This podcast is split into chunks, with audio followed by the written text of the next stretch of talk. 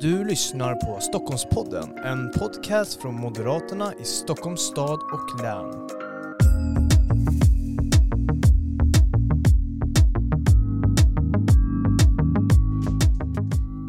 Ja, varmt välkomna till ännu ett avsnitt av Stockholmspodden. Eh, idag ska vi fortsätta prata ideologi. Det gjorde vi även förra veckan och då hade vi ju med Adam Reuterskiöld och Maria Stockas och surprise surprise, Adam Reuterskiöld är med idag igen. Ja. Men eh, vi ska som sagt prata idé och ideologipolitik idag. Det är ju någonting som är högt aktuellt i vårt parti, både på nationell nivå, lokal nivå och regional nivå. Och med oss idag så har vi ingen mindre än tre, kan man kalla er ideologilegendarer? Det, inte, det kanske, inte än kanske, men förhoppningsvis. idé och, vi är döda. Sen ja, idé och ideologilegendarer då. Om man jämför med mig i alla fall, som är, som är rookie. Eh, men då har vi med oss Adam Reuterskiöld som har lett eh, det ideologiarbetet i Stockholms län. Ja. Vi har Cecilia Bring som leder det idéarbete i Stockholms stad. Och vi har även Kristoffer Fjellner som har lett det nationella idéprogrammet Frihet och ansvar. Varmt välkomna hit. Tack tackar. mycket. Tack. Känns det bra att vara med? So far so good. Så- Han så- har fått knepiga frågor än. Ja, och jag tänkte egentligen att jag, jag slänger ut en fråga här till er på en gång. Eh, tänkte för att vi ska starta det här så alla kanske inte vet riktigt vad, vad, vad ni gör för arbete. Så jag tänkte att var och en av er får beskriva ert arbete lite kort. Vi kan börja med Adam. ja, jag har då varit eh, sammankallad i den gruppen som förbundsstyrelsen för Stockholms län har bildat när det gäller just utveckling och definiering kanske av ideologi och idéarbetet. Och, eh, vi har jobbat mycket, ganska brett och eh, har haft en dialog med nästan alla kommuner i eh, länet och eh, också även bjudit in andra talare för att få knåda till en ideologisk ståndpunkt som vi alla kan ställa oss bakom. Cecilia? Och Jag har då samma funktion när det gäller stadens idé och ideologiarbete. Ehm, Det är en mindre grupp. Jag och Mikael Söderlund och Gustav Blix. Och vi har dels samtalat själva, vi pratar också med externa personer som vi har bedömt kan ge intressanta inspel och perspektiv. Och det har de verkligen gjort också, så vi har fått väldigt mycket bra impulser utifrån. Och vi håller precis nu, just nu på att arbeta på på, den för, på det som ska bli slutprodukten. Mitt största problem just nu är att begränsa omfånget. Ja, och eh, Kristoffer? Ja, jag kan säga samma sak som föregående talare. Nej, men jag, har, eh, jag fick frågan av Ulf om inte jag kunde leda en grupp som skulle skriva ett förslag till nytt idéprogram för Moderaterna. Idéprogram är ju liksom halva Moderaternas partiprogram. Ena halvan är idéprogrammet som säger någonstans vilka är vi och vart vill vi? Eh, och sen har vi handlingsprogrammet som någon annan stackare ska få förbarma sig över men som är en andra halvan av partiprogrammet som säger hur ska vi åstadkomma detta? Och detta har jag väl ägnat ja, ett och ett halvt år. Jag presenterade väl vårt förslag i november och då tänkte jag nu är det väl typ färdigt.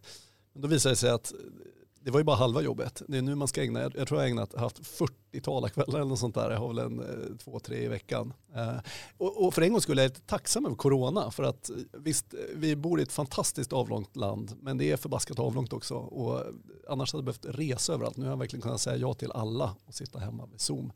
Så att just nu ägnar jag mig åt att försöka beskriva och utveckla vad, varför och hur vi har gjort för att få komma fram till det här förslaget om ett nytt idéprogram för Moderaterna.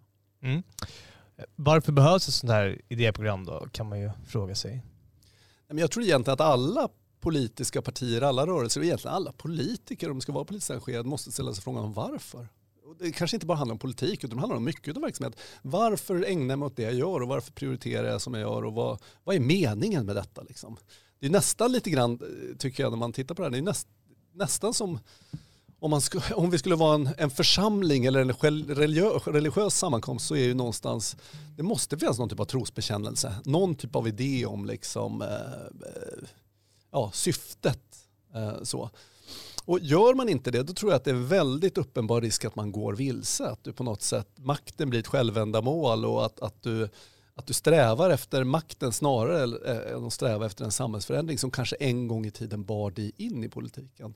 Jag tycker nog att vi har ett, ett väldigt, väldigt bra exempel just nu i Sverige när vi tittar på, på, på den här regeringen och den här januariöverenskommelsen. Att någonstans så vad, det spelar ingen roll om, om vad, vad, vi gör, bara vi, får, bara vi får styra landet. Vi är beredda att sälja vår själ liksom, i förhandlingar med andra eller, eller så vidare. Så jag tror att, att eh, det är inte en tillfällighet att idéprogrammet pryds av en kompassros. Idépolitik är en vägledning för, så att man inte går vilse i politiken. Mm. En vägledning och jag tänker på ni som arbetar på den lokala och regionala nivån. Delar ni det som Kristoffer eh, säger här? Absolut. Eh, jag tror också det finns ju flera infallsvinklar där nere. Det finns ju dels någon slags metaperspektiv. Att vi som parti, som politisk organisation måste ha en tydlig ideologisk bas. Det betyder inte att alla i den måste tycka exakt likadant i varje enskild fråga. Men, men för oss som individuella politiker är det ju, tror jag, också enormt viktigt att man faktiskt bottnar i någonting. För gör man inte det så blir man till slut en person som ingen kan lita på. För då blir man som det som Kristoffer precis eh, sa om, om regeringen. Eh, man har en politisk ambition, man har två egentligen. Den första är att ta makten, den andra är att behålla den. Och det får kosta precis vad det behöver kosta i varje enskilt ögonblick. Allt annat är underordnat. En sån person kan ingen i längden lita på. Därför tror jag det är otroligt viktigt att vi inte bara har att vi har ett idéprogram utan att vi också har en levande ideologisk och idépolitisk, det är inte riktigt samma sak, eh, diskussion i partiet hela tiden. Och jag tycker vi har, vi har fått det nu de senaste åren, inte minst eh, efter det arbete som Kristoffer har gjort. Vilket jag tycker är jätteroligt. Det var mm. väldigt länge sedan vi hade så mycket spännande ideologisk debatt i Moderaterna som vi har nu. Mm.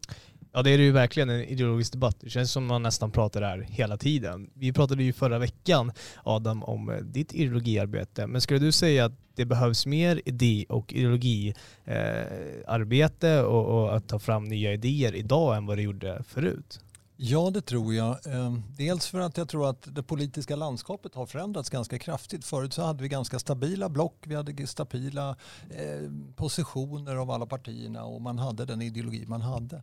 Nu eh, är det lite grann, eh, eh, det är inte så viktigt längre för många partier och för oss tror jag att det är ännu viktigare. Och dels har vi inte haft här på, internt inom Moderaterna på ganska länge och det har inte heller varit en del av den politiska debatten rent generellt ute i samhället. Jag tror att den är jätteviktig nu, speciellt när väljarna inte riktigt förstår skillnaden mellan olika partier och vad man faktiskt står för. Och där måste vi bli jättetydliga. Jag hoppas på att vi i valarbetet och, och i eh, spurten fram till nästa val här eh, kommer att ha en ideologiskt grundad debatt. Det behövs också på kommunal nivå. Jag är ju aktiv i Ekerö kommun och, på kommunal nivå så är det också viktigt att det inte bara blir sakfrågor hela tiden utan att man också har en bas över vad är det man, vilka ideologiska grunder har man för sina principer och ställningstaganden i enskilda frågor. Eh, och eh, där behöver man ha en, en, eh, en ständig diskussion om påminnelser. Vi får hela tiden nya medlemmar men även de är lite äldre medlemmar eller medlemmar som har varit inne i politiken länge behöver hela tiden påminna sig om varför, varför finns vi till som parti och vad är det vi vill med syftet. Och det är lite som Kristoffer säger att, att um, det får inte bli ett egensyfte att sitta i, i, olika positioner utan vi gör det för att vi vill skapa ett bättre samhälle och mm. vi har långt att gå. Så dagens samhälle um, går åt fel håll och det är viktigt för oss att påminna oss om det lägga till någonting, för jag tycker Adam är på någonting väldigt centralt. Det här med att, att idépolitik och ideologi är alltid, det är alltid viktigt att ha en ideologisk ryggrad så man vet vad som är rätt eller fel. Liksom. Det är, det är liksom, ingen snack om det. Men jag tror att Adam är poängterat, jag tror faktiskt det är lite viktigare nu än vad det varit på ganska länge. Dels för att det politiska landskapet som Adam påpekar är, är i snabb förändring. Och, och jag tror att när vi, tar, när vi tar makten kommer vi säkert att behöva göra det och, och, och tvingas förhandla med, med, människor som har helt andra idépolitiska utgångspunkter än oss. Alltså, nu senast så var det någon överenskommelse med, med Vänsterpartiet. Liksom. Och att när man sitter och förhandlar med människor som har helt andra, andra bevekelsegrunder, då är det väldigt viktigt att man vet vem man själv är och vart man själv vill. Eh, sen tror jag också någonting som jag har funderat mycket på på sista tiden, inte så mycket i början av arbetet, men, men jag tror det har blivit tydligt nu i och med den här pandemin, är att, att den, den, extremt snabba samhällsförändring vi har och där saker och ting som är väldigt omvälvande kastas över oss med kort varsel. Vi måste liksom göra väldigt svåra avvägningar snabbt som bokstavligt talat handlar om liv och död. Eh, när, när, vi ställs inför sådana situationer då är det väldigt viktigt att veta att ha liksom en grundmurad ideologisk ryggrad så man vet någonstans instinktivt vad som är rimligt och orimligt, vad som är rätt eller fel. Um, för, för liksom, tyvärr kan jag säga det, det, den sista utmaningen vi kommer kastas inför är inte den här pandemin. Det kommer komma fler saker. Och jag tror de kommer komma allt oftare den här typen av, av, av riktiga utmaningar. Och att man, då, att man då grundar i sig själv. I de svåra frågor om individuell frihet och vad du ska göra själv eller vilket ansvar vi har för att liksom rädda liv och hälsa för våra medmänniskor. Mm. Eh, det, det, gör att, att just just nu är det nog viktigt att vi passar på att, att ja, men, träna vår ryggrad. Mm. Mm. Träna vår ryggrad. Eh, vad, vilka idéer ska vi ha? Det låter som att man försöker ju på något sätt fundera ut vad ska partiet vara och hitta egentligen vår identitet. Och jag tänkte slänga ut den frågan lite nu. Vad, eller vilket parti ska Moderaterna vara? Så får vem som helst ta lid. Vi ska ju vara ett parti som försvarar grundläggande värderingar som valfrihet, rättsstat, marknadsekonomi, demokrati, demokratiska institutioner. Eh, vi ska inte vara ett parti som försvarar övergrepp mot de här eh, institutionerna. Vi ska heller inte vara ett parti som, som eh, är inne och fäktar i en väldig massa saker där politiken egentligen inte har att göra. Adam var inne lite grann på det nyss. Det är, väl, det, det är otroligt lätt hänt när man är kommunalpolitiker att man liksom fastnar i den här ständiga kaffekasse och cykelställsdiskussionen därför att det är enkla gripbara frågor som man har här och nu och det kan man hantera och det är mycket lättare att hantera det än att hålla på och diskutera ideologi och kanske också inte leder till, det kan leda till folkstorm men inte på riktigt samma sätt. Och just därför är det väldigt viktigt att man liksom hela tiden är medveten om de här grundläggande värderingarna som förvisso vårt parti kanske inte från sin allra första början har försvarat. Eh, om man går tillbaka till Allmänna valnadsbundets första stapplande år där så var det ju inte riktigt frihandel som var den bärande idén om man säger så. Men, men det är ett tag sedan och vi har hunnit ändra oss sedan dess och också landat. Vi pratade innan här Adam och jag om, om den oerhörda betydelse som Gösta Boman hade som partiledare för att liksom, sätta den ideologiska kompassen väldigt, väldigt tydligt och sen följa den. Man kompromissar inte med de här grundläggande idéerna. Där tror jag också att, att eh, vi eh, moderater är, eh, har en möjlighet att vara tydliga i den ideologiska grunden vi har, liberalkonservativa grunden om individens frihet och äganderätten och fritt företagande och sådär. För att vi ser en förändring av andra, vad ska jag säga, Eh, partier som, som, som kanske har gått åt vänster eh, på ett sätt som gör att det kanske är ännu viktigare för Moderaterna att vara tydligare. Och jag tror att vi har en, en ideologisk grund som är, särskiljer oss från alla andra partier eh, på ett sätt som är, som, som vi, som är en fördel för oss. En för, och där är det ju individens frihet och, och också en minskad stat. Och det är egentligen bara vi som arbetar för de, de eh, principerna, de ideologiska grunderna. Så jag tror att det är jätteviktigt. Jag tror också att det, det kommer att vara en komparativ fördel för oss i Moderaterna att, att definiera och att stå för faktiskt vad vi, vilka principer vi, vi, vi um, utarbetar och, och, och liksom jobbar efter. Jag tycker det ligger någonting i bara det enkla konstaterandet att vi ska vara ett idéparti. Alltså eh, ett parti som faktiskt tar idéer på allvar. Eh, och det tycker vi ska göra på grund av att, att just nu så finns det tycker jag, allt för många partier som antingen låter sig vägledas av rent populistiska överväganden. Alltså något som ja, men det blöta fingrets politik. Liksom. Eller som, låter, som sätter makten framför allt. Det är väl de två, de två motkrafterna. Uh, och eh, Moderaterna ska inte falla till föga och bli någon av dessa. Så bara det enkla faktum att vi koncentrerar ett idéparti. Och då får man vilka idéer ska vägleda oss? Och, och när vi gjorde, arbetade med det här idéprogrammet, det var inte så att vi försökte hitta några nya eller beskriva liksom så här, ja, men, ja, ja, vi började med, inte med ett tomt papper och sa vilka idéer ska styra Moderaterna, utan Moderaterna har ju ett idépolitiskt arv som jag tycker, som, som, som jag har medvetet valt och jag tror alla i det här rummet medvetet har valt. Och då är det frågan vi ställde oss, hur ska vi vårda och utveckla det arvet? Kanske någon form av konservativ anda liksom lägga nästa, nästa kapitel till berättelsen om Moderaternas utveckling. Det där tycker jag är jätteviktigt. För att ehm, man har en förväntan och när vi började det här arbetet så, så vill man liksom göra det här från grunden nydanare och sådär. Men man hamnar egentligen i de grundläggande fem, sex positionerna som vi alltid har haft. Eh, och jag tror att det viktiga med vårt arbete på, alla nivåer här, det är kanske inte att ta, att ta fram nya och bli nydanande och liksom, det här är revolutionärt och sådär. Utan det viktiga är att få ut de principerna ner till alla medlemmar och eh, alla medborgare också. Eh, att få våra med, medlemmar i partiet att, att förstå och dela eh, principerna. Sen, kan vi, sen är vi ett brett och stort parti så alla håller väl inte med om alla saker. Man har olika tyngdpunkter i det här programmet. Men, men det kommer inte vara några nyheter egentligen och, och det tror jag är bra. Nej, men, och det, det där är väl... Nej, men å ena sidan är det så att, att det är ju inte den här skriften som egentligen är poängen, eller programmet. Utan den största poängen är ju alla de samtal och att alla medlemmar som Adam var inne på liksom försöker fundera över varför ägna mot politik och vad är det som är viktigt i det här. Och det där är en vägledning till människor att, att just utveckla och hitta sin egen ideologiska kompass. Sen när vi tar våra klassiska idéer eh, om frihet och ansvar, om liksom individens okränkbara värde och, och ansvaret för, för oss själva, våra nära och kära och, och, och, och samhället i stort. När vi tar de idéerna och låter dem möta samtiden så händer ju någonting nytt varje gång. Inte bara att idén är annorlunda eller nya, men eftersom samhället förändras och utmaningar ställs inför annorlunda. Jag tänkte på det när vi, när vi tittar på den text vi hade skrivit där om, om eh, jämställdhet till exempel. Där står en himla, inte himla alltså, men det står en hel del om, om hederskultur och det hot som hederskultur utgör mot, mot, mot vår syn på jämställdhet och våra värderingar.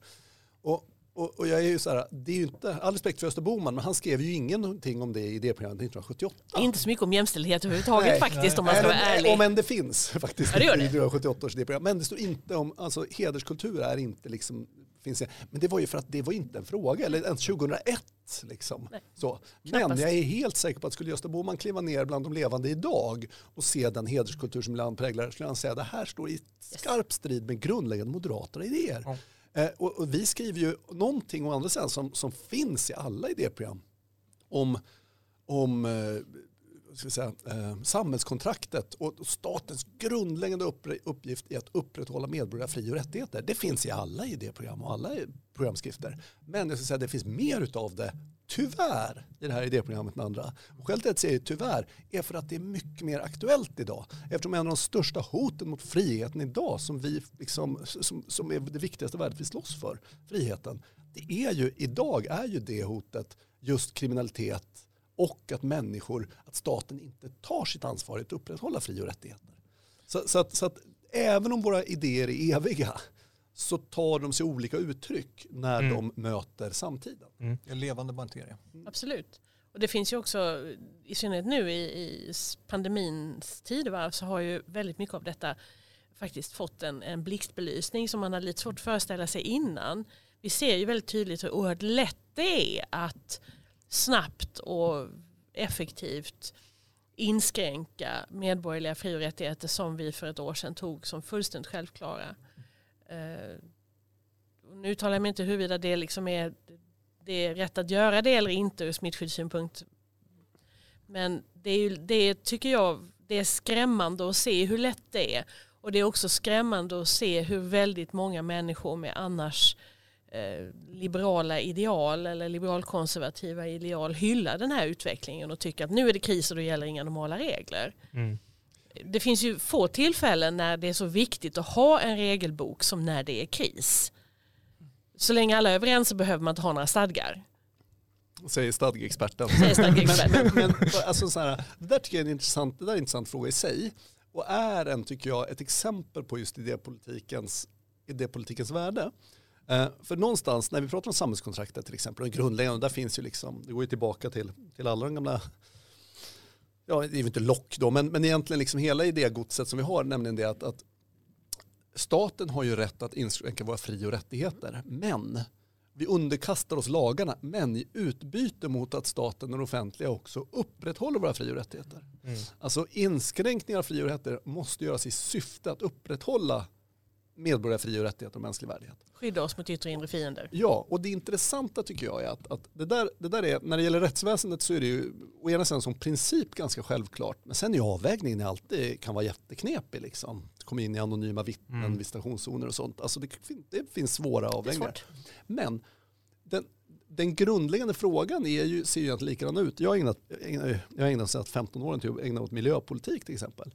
Och då ska man säga att jag, jag kommer till slutsatsen att jo, men så, tack att staten har rätt att inskränka grundläggande fri och rättigheter även för miljöskäl. Men då måste man ju fortsatt vara i syfte att faktiskt garantera medborgerliga fri och rättigheter. Mm. Eller att göra det för att upprätthålla pandemin. Och, och, då, och då är det intressant frågan, vad, vad, vad, har vi för kriterier? Vad har vi för principer som ska vägleda oss? Och då har vi i, i just skulle jag säga, i idéskriften försökt utveckla det på några områden. Säger så här, jo, jo, men ska du göra de här sakerna då måste det ju till exempel måste vara proportionellt. Inskränkningar av friheten måste vara proportionell mot det du faktiskt vill åstadkomma. Mm. Det måste vara ändamålsenligt. Alltså det kan inte vara det, kan liksom inte missa målet.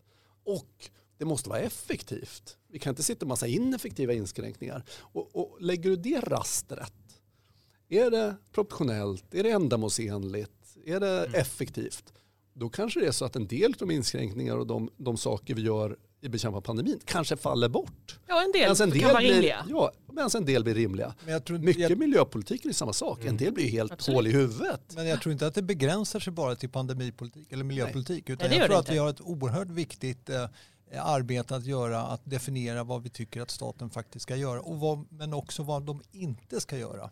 För mm. idag har vi en, en stat som består av 450 myndigheter, eller i alla fall mer än 400 myndigheter och gör ju en enorm massa aktiviteter som, som är i någon mån begränsande och inskränkande och resurskrävande om inte annat. Eh, och det, de resurserna kommer ju från dig och mig och alla andra som betalar skatt och, och den där tycker jag är jätteviktig. Hur stor och framförallt vad ska staten vara? Och vi står ju för en stark stat i de områdena där staten ska vara stark. Men också en begränsad stat i de områden där staten inte ska vara inne och, och, och ha aktiviteter. Mm. Och, och, det där tror jag att vi, vi är också lite unika i våran, våran partipalett som vi har just nu.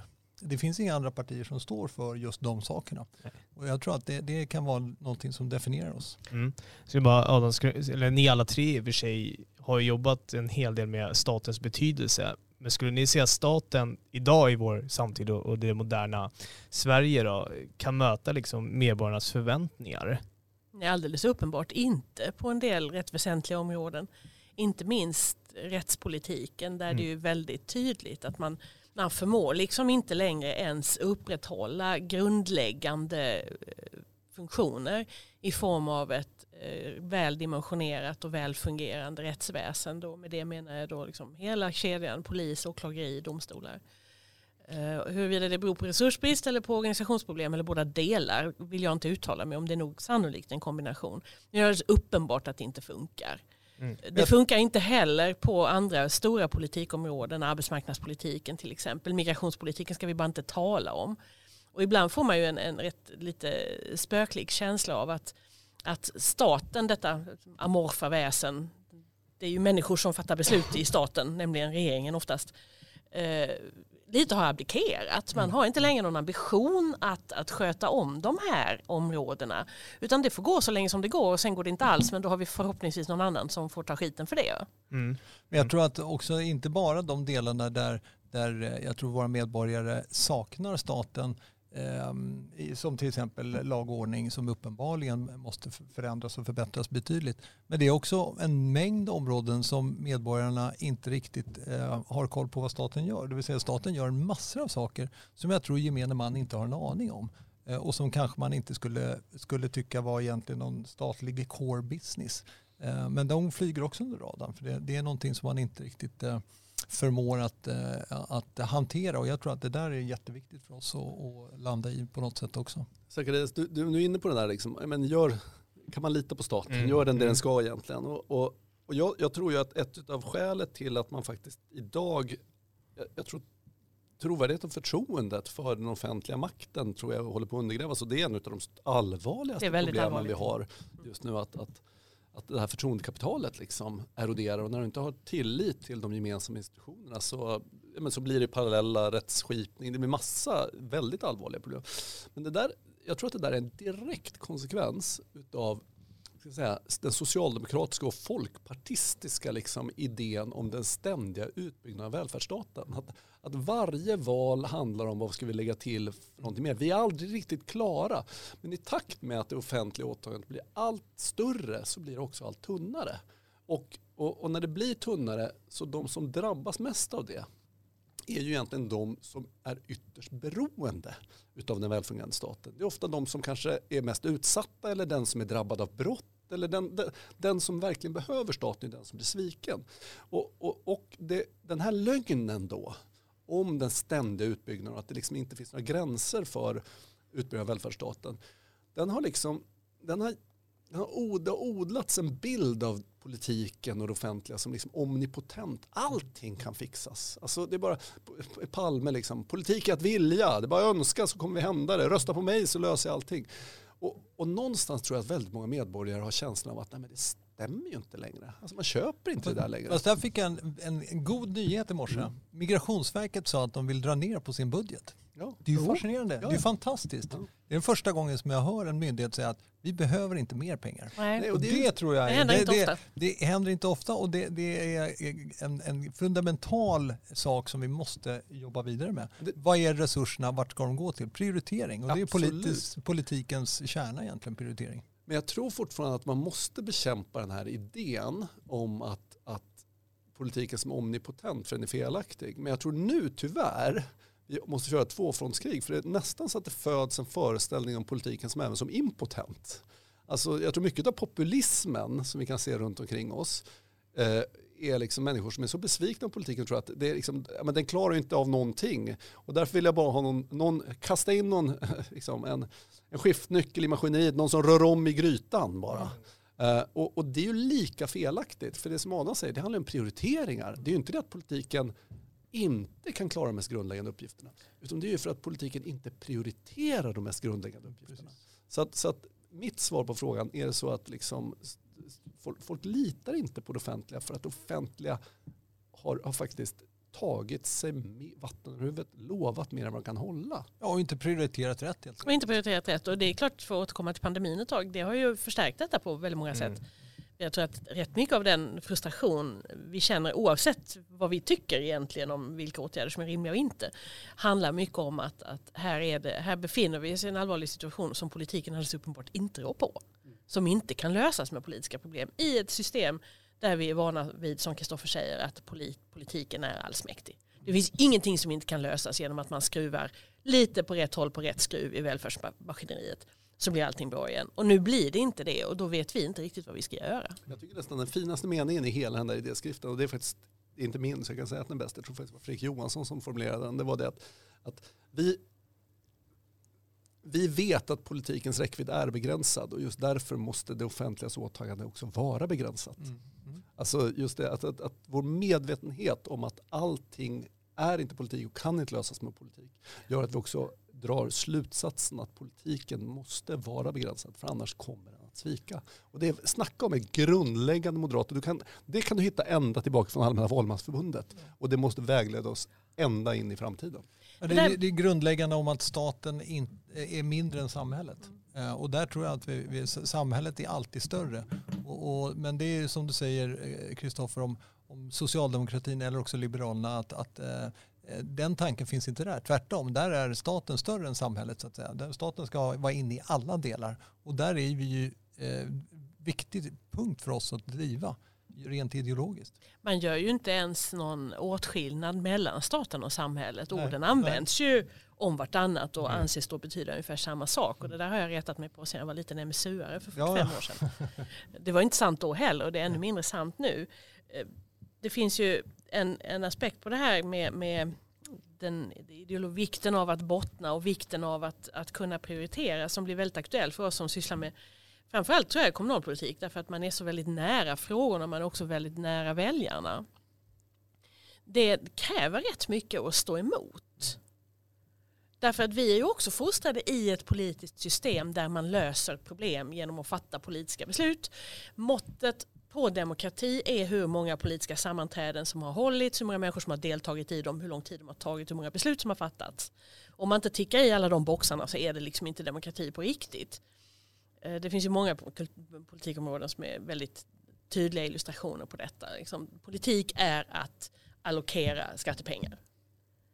Och att då vara den som säger att nej men alltså, vi ska nog faktiskt inte göra det här. Vi måste prioritera. Detta är inte en kommunal kärnuppgift. Det kräver väldigt mycket ryggrad och väldigt mycket mod hos mm. enskilda politiker som i många fall är fritidspolitiker och inte riktigt har utrustning att hantera det där. Så det måste vi tänka på i vårt interna arbete också att vi genom det här idéarbetet till exempel rustar våra företrädare i kommuner och regioner. För Det är framförallt där detta händer. Mm. Och stå emot den här typen och klara av den här typen av diskussioner. Det är jättesvårt att hamna i det. Men då kommer vi nästan tillbaka där vi började egentligen. Vad, vad är det viktigaste med vårt arbete här? Ja, det är ju egentligen att föra ut den här diskussionen på, till alla våra medlemmar i alla nivåer. Eh, den, är, eh, den blir lätt eh, borttappad och vi har inte gjort det på länge, på många, många, många år. Så att, jag tror att vi har, vi, vi har ehm, tillsammans med alla med, medlemmar i Moderaterna har vi en uppgift att, att gå tillbaka till grund, kärnuppgiften. Så att säga. Mm. I det lärande samhället som är idéskriften då, alltså betonar ju ni flera olika områden. Eh, ett som ni betonar lite extra är det här med integration och arbetsmarknad och jag slänger ut en fråga här. Arbetslinjen, fungerar den i vår samtid idag? Jag, jag tror att, bara säga det, när, jag skulle vilja slå ett slag för den här idéskriften. Ja. Eh, den är lite längre, och, och, men den är nog lite tacksam att läsa tror jag. Men det är för att dels för att själva formatet, ett idéprogram, liksom, 20 A4-sidor eller vad det var, är ju lite kantigt och du ska täcka allting. Så då valde vi för att formulera en idéskrift som är betydligt längre men som, som fokuserar på sex områden där vi tror att där Sverige har, upp har allvarliga problem och där det är helt avgörande att Moderaterna håller kursen för att Sverige inte ska köra i diket. Eh, och ett av dem är just integration. Och, eh, och jag ska, ska väl säga, jag önskar att vi skrivit mer om arbetsmarknaden och jag tror vi skriver det efterordet också att vi borde utvecklat arbetsmarknaden mer. Lite grann av det skäl du nämner.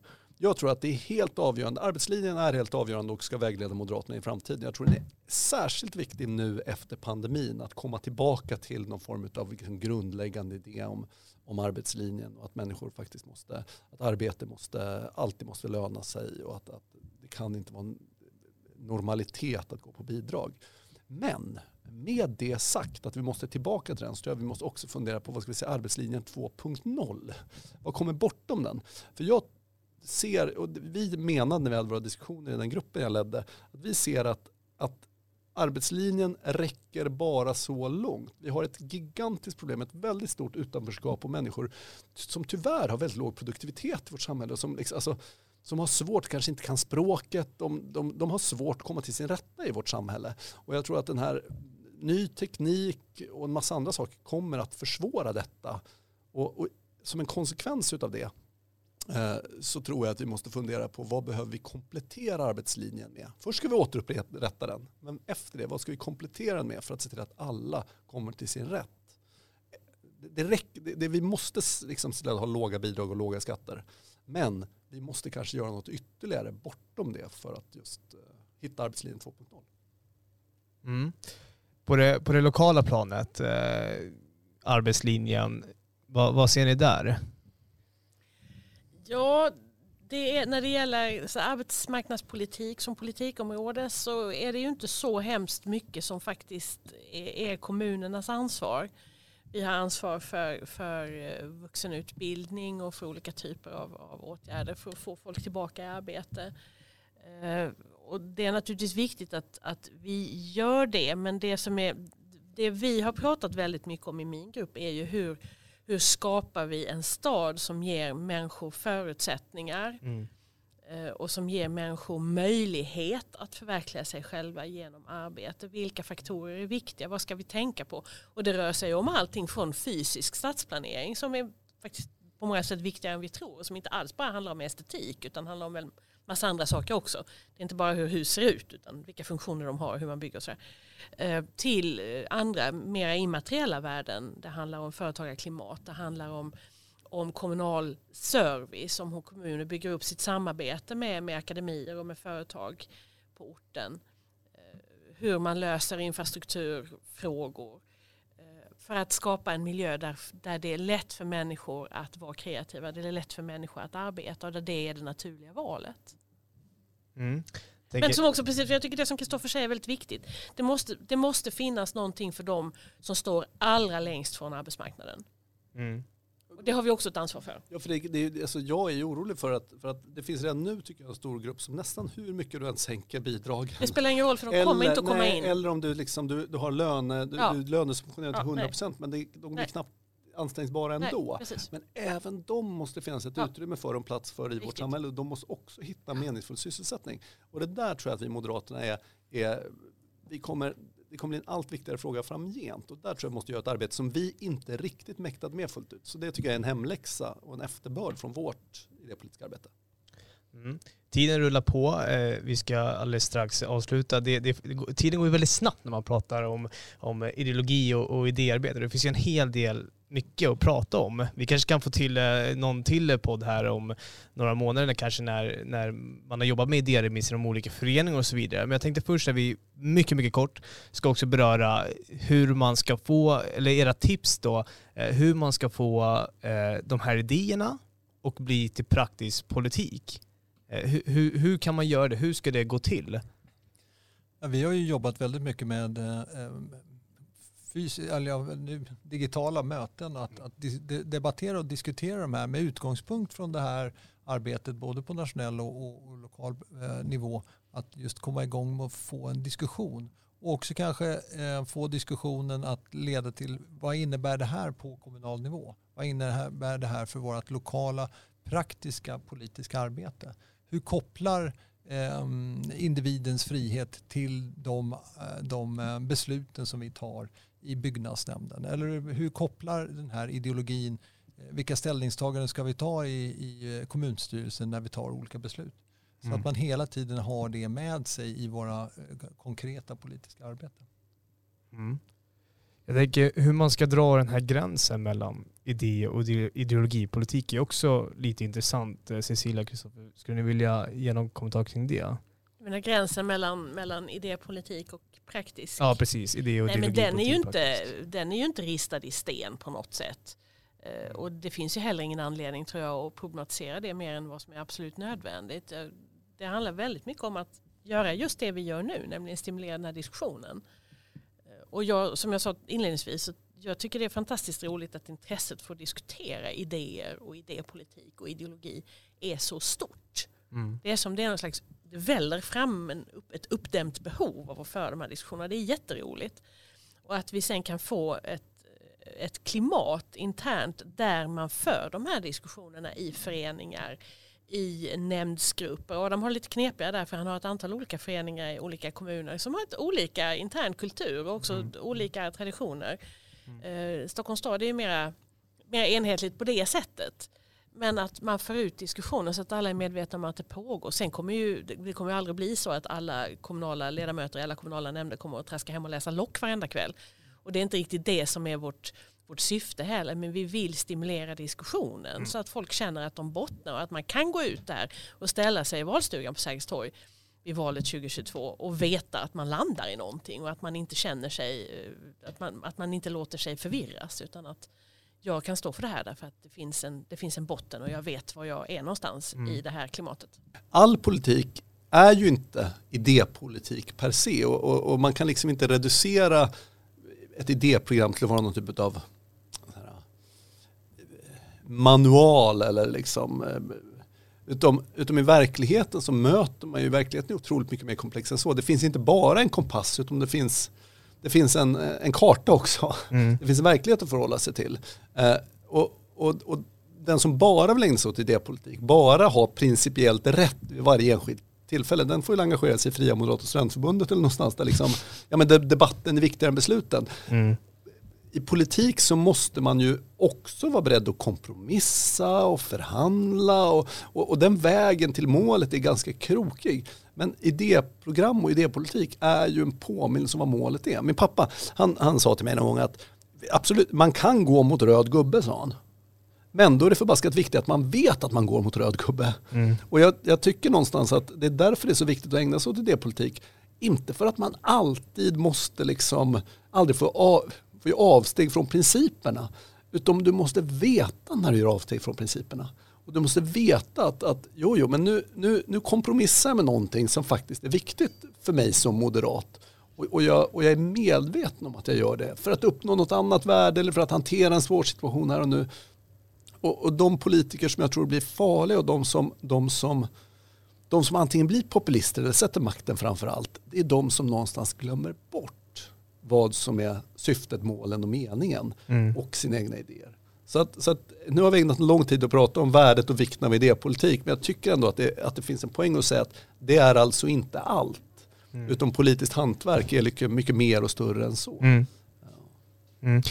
Men Koppa, om vi ska nu sammanfatta den här podcasten eh, som vi har gjort här nu. Hur skulle du samman, eller sätta punkt och knyta upp säcken för det här idéprogrammet som ni nu har tagit fram?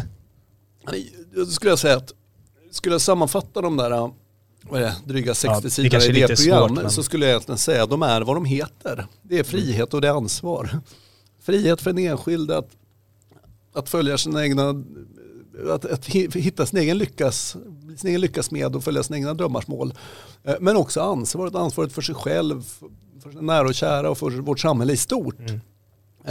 Det är, liksom, det är det grundläggande baslaget. Du kan väcka vilken moderat som helst mitt i natten och be dem sammanfatta Moderaterna i två ord. Jag tror nästan alla kommer säga frihet och ansvar. Så att jag sammanfattar de 65 sidorna så skulle jag säga det. Ja, men det är vad det heter, det är frihet och ansvar.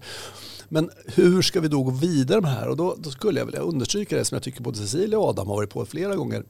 Nämligen det att det stora värdet med det här arbetet är egentligen inte den skriften utan det stora värdet är de samtal som det här förhoppningsvis kan leda till. Mm. Att det här inspirerar oss att söka upp de knepigaste frågeställningarna kring pandemin, kring framtidens arbetsmarknad eller kring, kring brottsbekämpning eller integration. Att försöka söka upp dem och testa de moderata idéerna på de samhällsproblemen för att så att säga kalibrera vår egen kompass och, och stärka vår egen ryggrad och rusta oss bättre för de tuffa förhandlingar och de, de svåra politiska val och ställningstaganden vi kommer ställas inför.